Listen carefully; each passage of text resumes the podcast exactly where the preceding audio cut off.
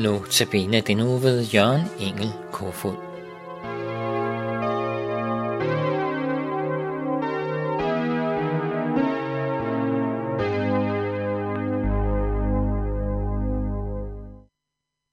I denne uges andagter tager jeg udgangspunkt i nogle beretninger fra det gamle testamente i Bibelen. Tekster, der peger frem mod det mest betydningsfulde, der nogensinde er sket for menneskeheden. Tekster, der varsler et glædesbudskab af dimensioner. Et budskab til alle mennesker, ikke kun til os i Danmark, men til hele verden, og som vil få evighedsbetydning for alle, der griber det.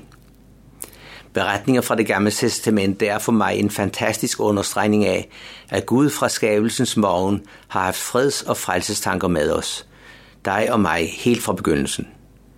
For mig, for mig er det trostyrkende at se de påmindelser, der ligger i beretningerne fra det gamle testamente, og hvad de handler om. De er med til at åbne den virkelighed, som har betydning for mig. Det er stort, når Gud ved sin ånd kaster lys over det, så vi ser det store perspektiv. Jeg håber, at de beretninger, jeg i disse notabene-udsendelser tager frem og prøver at sige lidt om, også vil kunne blive til glæde og opbyggelse for dig som lytter. Grundlæggende er beretningerne jo givet os, for at vi kan blive hjulpet ind til det, som vi har brug for. Faktisk tilbage til det, vi mistede, da vi fravalgte Gud, nemlig barnekår og evig frelse. I dag skal vi høre fra første Mosebog om Abraham, der skal ofre sin søn Isak. Ja, fra første Mosebog kapitel 22 hører vi om, at Gud satte Abraham på prøve. Tag Isak, din eneste søn, ham du elsker, og begiv dig til Moria-landet, der skal du bringe ham som offer. Tidligt næste morgen sadlede Abraham sit æsel og tog sine to karle og sin søn Isak med. Og da han havde kløvet offerbrændet, gav han øh, sig på vej til det sted, Gud havde givet ham besked om. To dage efter fik Abraham øje på stedet i det fjerne. Abraham tog offerbrændet og lagde det på sin søn Isak. Selv tog han ilden og kniven, og så gik de to sammen. Isak sagde til sin far, Far. Abraham svarede, Ja, min dreng. Isak sagde, Vi har ilden og brændet, men hvor er offerlammet? Abraham svarede, Gud vil selv udse sig et offerlam, min dreng. Og så gik de to sammen. Da de kom til det sted, Gud havde givet ham besked om, byggede Abraham et alter og lagde brændet til rette. Han bandt sin søn Isak og lagde ham oven på brændet på aldret. Så rakte Abraham hånden ud og tog kniven for at slagte sin søn. Men Herrens engel råbte til ham fra himlen og sagde, Læg ikke hånd på drengen og gør ham ikke noget. Nu ved jeg, at du frygter Gud, og han ikke vil nægte mig, din eneste søn. Da Abraham så op, fik han øje på en vader.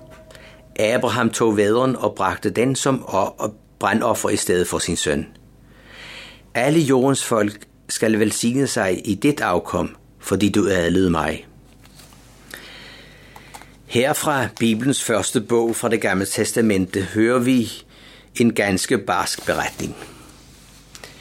Det er jo ikke vanskeligt for os at få følelser i kog, når vi lige husker på Abraham, at hans kone Sara havde ikke haft så let ved at få børn. Gud havde ellers lovet ham, at de skulle blive et stort folk, og når de så endelig fik et barn, sønnen Isak, så fik de besked om at ofre ham. Abraham blev virkelig sat på prøve. Har vi børn? Er det, en natur, er det naturligt for os at have stor kærlighed og omsorg for dem? Men denne beretning øh, øh, så tidligt i Bibelen skal igen hjælpe os til at få sporet vores blik ind på det, som skulle komme til vores hjælp og vores frelse. Guds søn, Jesus kom julenat. Han var elsket af sin far i himlen. Men Guds kærlighed til os, dig og mig, minder os om, at vi er elsket. For det er netop det, beretningen skal være med til at vise os, at Gud havde os så kær, at han var villig til at ofre sin søn, sin eneste søn, for at frelse os. Abrahams tro blev sat på prøve, og Gud erfarede, at han ønskede at have tillid til Gud, også når det gik ham meget imod. Gud sendte en vader. et offerlam i stedet for Isak. På samme måde kom Jesus øh, os til hjælp. Han blev vort offerlam på Golgata-højen ud for Jerusalem. Der blev vores ulydighed over for Gud gjort god. Jesus blev vores stedfortræder. Han blev straffet, slagtet i stedet for os, som vi hørte fra Esajas kapitel 53. Så blev han såret for vores overtrædelser. Vi fik lægedom ved hans sår. Jesus blev ikke i graven, men opstod og blev derved den helt blev den, der helt og fuldt kunne være vor frelser og befrier. Abraham handlede i tro. Det blev hans retfærdighed. Isak gik fri, fordi en anden blev slagtet i stedet for ham. Sådan er det også muligt for os at blive fri. Vi må tage imod det offerlam, som Guds søn Jesus blev på korset langfredag. Jesus blev vor retfærdighed. Han bar straffen i mit sted, og derved kan vi nå livets salighed og den himmelske herlighed. Beretningen om Abraham og Isak er mere en, en voldsom historie, men det peger på et budskab, som skal hjælpe, skal hjælpe os til at tage imod Jesus som frelser. Vi bliver frelst alene ved den, det en anden har gjort for os. Vi bliver ikke frelst på grund af det, vi kan gøre, er godt. Det vi har brug for, er tro og tillid til Jesus. Han er vor fred, både her i tiden, men også i evigheden. Må beretningen om Abraham og Isak få os til at se det langt større. Er Jesus vort offerlam? For ved ham bliver vi frelst. Amen.